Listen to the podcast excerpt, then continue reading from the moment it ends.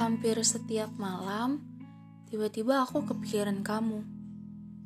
Entah kenapa, senyum kamu, wajah kamu selalu hadir di setiap ingatan aku. Aku selalu merasa nggak sopan aja gitu kalau tiba-tiba mikirin kamu. Aku belum punya keberanian untuk memulai chat. Kayaknya susah banget dan yang paling aku takutin itu aku takut ganggu kamu aku takut kamu gak nyaman sama aku. Tapi mau gimana? Aku gak bisa menghindari perasaan itu.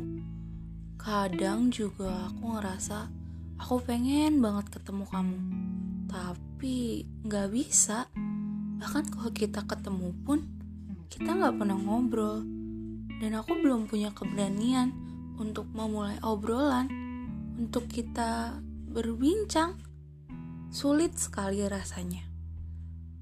Hmm, kapan ya waktu itu datang?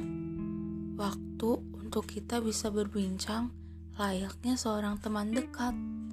Tidak apa-apa, hanya sekedar teman.